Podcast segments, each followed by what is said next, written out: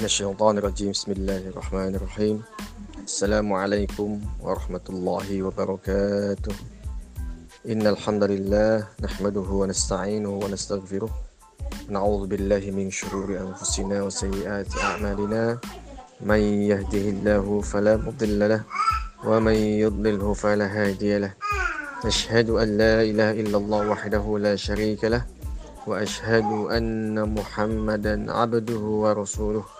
لا نبي ولا رسول بعده. اللهم فصل وسلم على سيدنا محمد وعلى آل محمد كما صليت على إبراهيم وعلى آل إبراهيم في العالمين إنك حميد مجيد. اللهم بارك على محمد وعلى آل محمد كما باركت على إبراهيم وعلى آل إبراهيم في العالمين إنك حميد مجيد. قال الله تعالى في كتابه الكريم وهو أصدق القائلين. أعوذ بالله من الشيطان الرجيم. بسم الله الرحمن الرحيم. يا أيها الذين آمنوا اتقوا الله حق تقاته ولا تموتن إلا وأنتم مسلمون. وقال يا أيها الناس اعبدوا ربكم الذي خلقكم من نفس واحدة وخلق منها زوجها وبث منهما رجالا كثيرا ونساء واتقوا الله الذي تساءلون به والأرحام إن الله كان عليكم رقيبا أما بعد Ma'asyiral muslimin, para peserta kajian ampuh yang dirahmati Allah Subhanahu wa taala.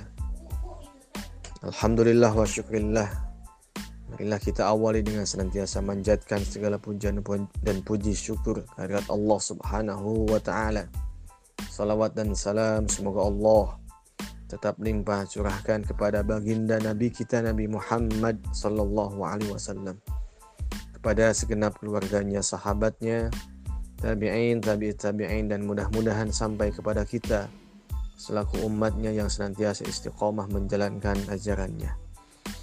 Ma'asyiral muslimin, para peserta kajian ampuh yang dirahmati Allah Subhanahu wa taala. Alhamdulillah malam ini kita dapat berjumpa kembali melalui kajian mingguan, kajian Islam politik dan spiritual.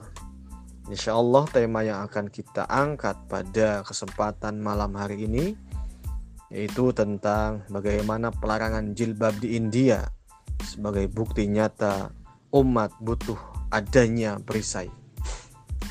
Uh, baik, Ikhwan Fiddin kaum muslimin rahimakumullah di mana pun anda berada sebagaimana kita ketahui melalui media yang diberitakan bahwa kaum muslimin yang ada di India ya tepatnya adalah di Karnataka. Di sana memang kaum muslimin minoritas begitu. Tapi yang paling yang menyakitkan adalah adanya pelarangan kepada para siswa mahasiswa yang ada di kampus tentang penggunaan pemakaian jilbab bagi seorang muslimah.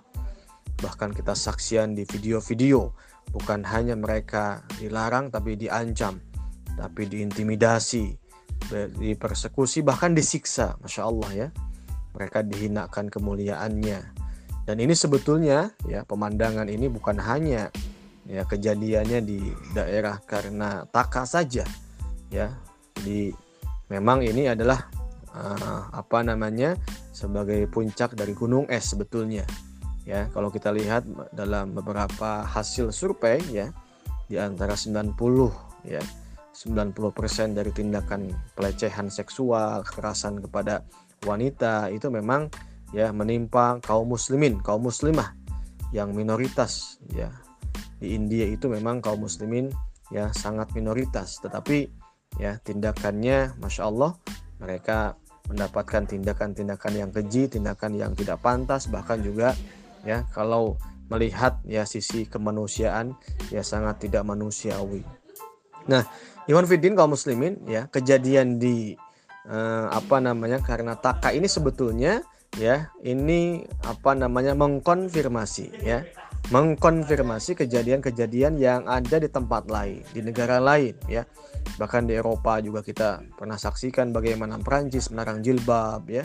Kemudian juga kita saksikan umat Islam di tempat-tempat yang lainnya begitu ya uh, dulu juga di Selandia Baru bagaimana kita bisa saksikan ya kaum muslimin setelah melaksanakan sholat Jumat di Bredel dengan tembakan ya banyak yang syahid saat itu ya, ini juga terjadi menimpa kaum muslimin.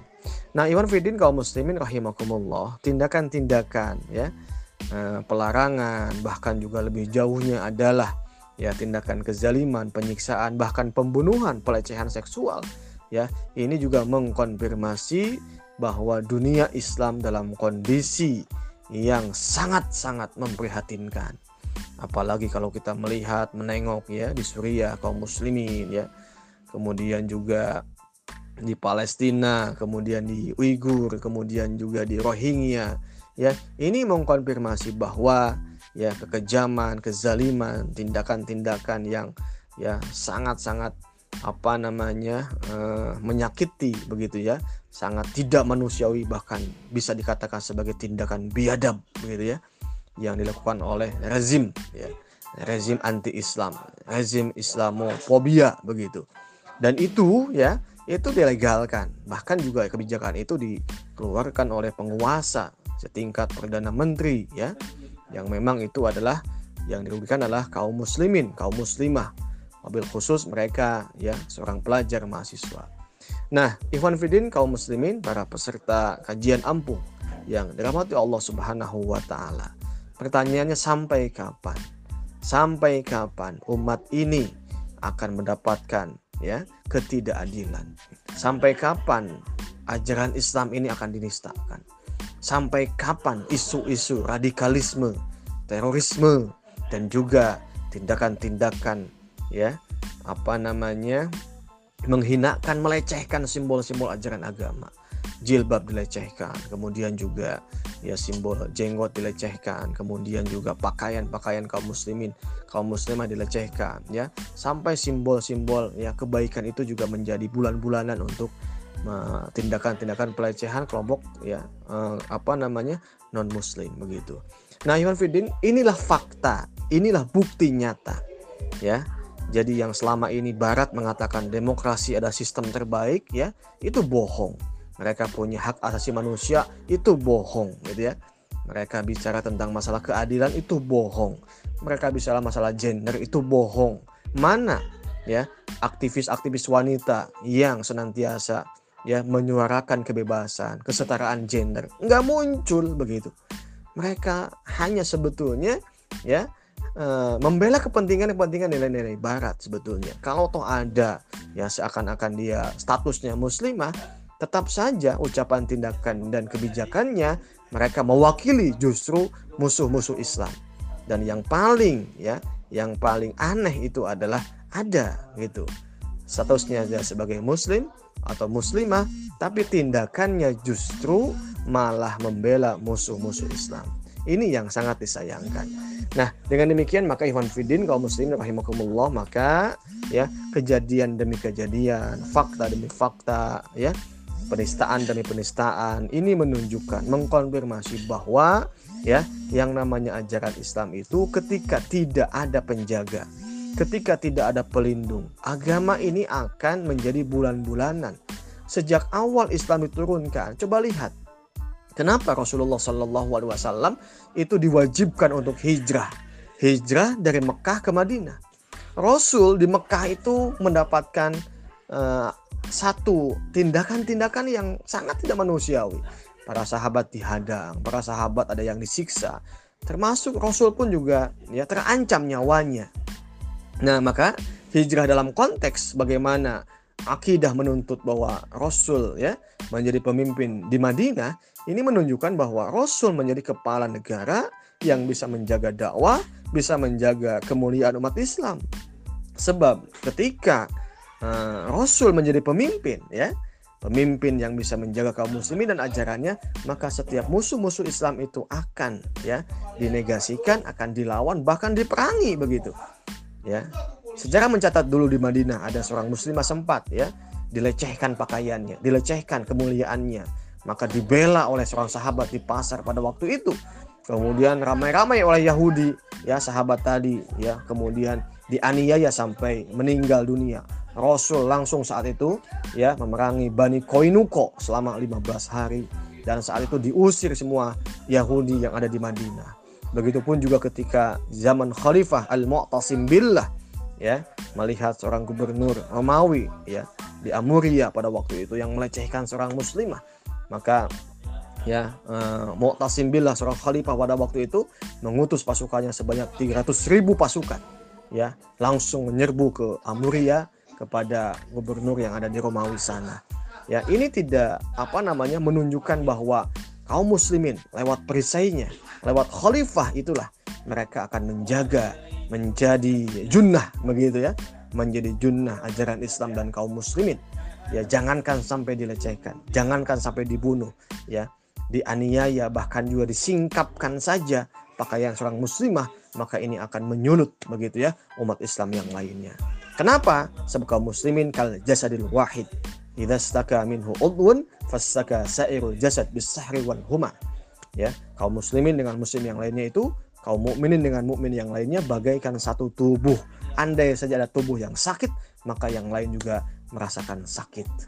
Nah inilah bentuk nyata bahwa al imamu junnatun yuqataluna min waraihi wa yuttaqabih imam itu adalah perisai maka imam ini akan menjadi junnah akan senantiasa ya menjaga baik di depan atau di belakang atau juga kemuliaan kaum muslimin akan terjaga. Yuqatalu min warohi. Ya, pemimpin ini akan memerangi ya, yuqatalu min warohi. Artinya apa? Ada pada barisan kaum muslimin. Ada membela kaum muslimin ya. Dan juga tidak akan terjadi hal-hal yang memang melecehkan apalagi menistakan simbol-simbol ajaran agama. Nah, Ivan Fidin para peserta kajian ampuh yang dirahmati Allah Subhanahu wa taala, dengan demikian maka apa pelajaran penting? Jadi andai saja saat ini kita melihat ada suara-suara keadilan ya, memberantas kezaliman, tapi itu datang dari sistem yang bukan Islam alias sistem demokrasi, maka sesungguhnya itu adalah ya eh, apa namanya bukan keadilan hakiki bukan hak yang hakiki bahkan juga tidak ada hak asasi manusia dalam Islam ya yang ada adalah bagaimana hak asasi itu hanya membela kepentingan-kepentingan barat saja. Kepentingan-kepentingan ya yang tentunya itu adalah memerangi kaum muslimin. Maka sampai detik ini tidak ada sedikit pun ungkapan dari PBB ya untuk memerangi Yahudi yang sudah menggasap yang sudah menduduki tanah Palestina ya di mana ada tidak ada begitupun juga invasi militer Amerika ke Afghanistan, ke Irak tidak ada disebut dengan kejahatan manusia. Ini nyata, maka demokrasi itu milik siapa? Hak asasi itu milik siapa? Kepada siapa mereka berpihak? Kesetaraan gender juga sama. Itu mereka itu siapa? Ya, aktivis feminis juga milik siapa?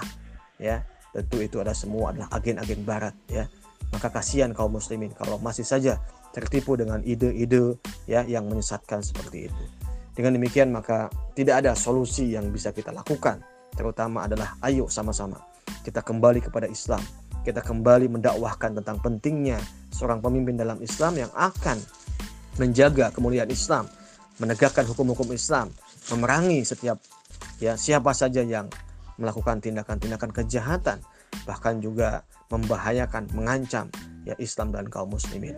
Maka kejadian pelarangan jilbab di India ini mengkonfirmasi ya menyampaikan dengan tegas kepada kita bahwa lagi-lagi demokrasi tidak bisa dijadikan alat.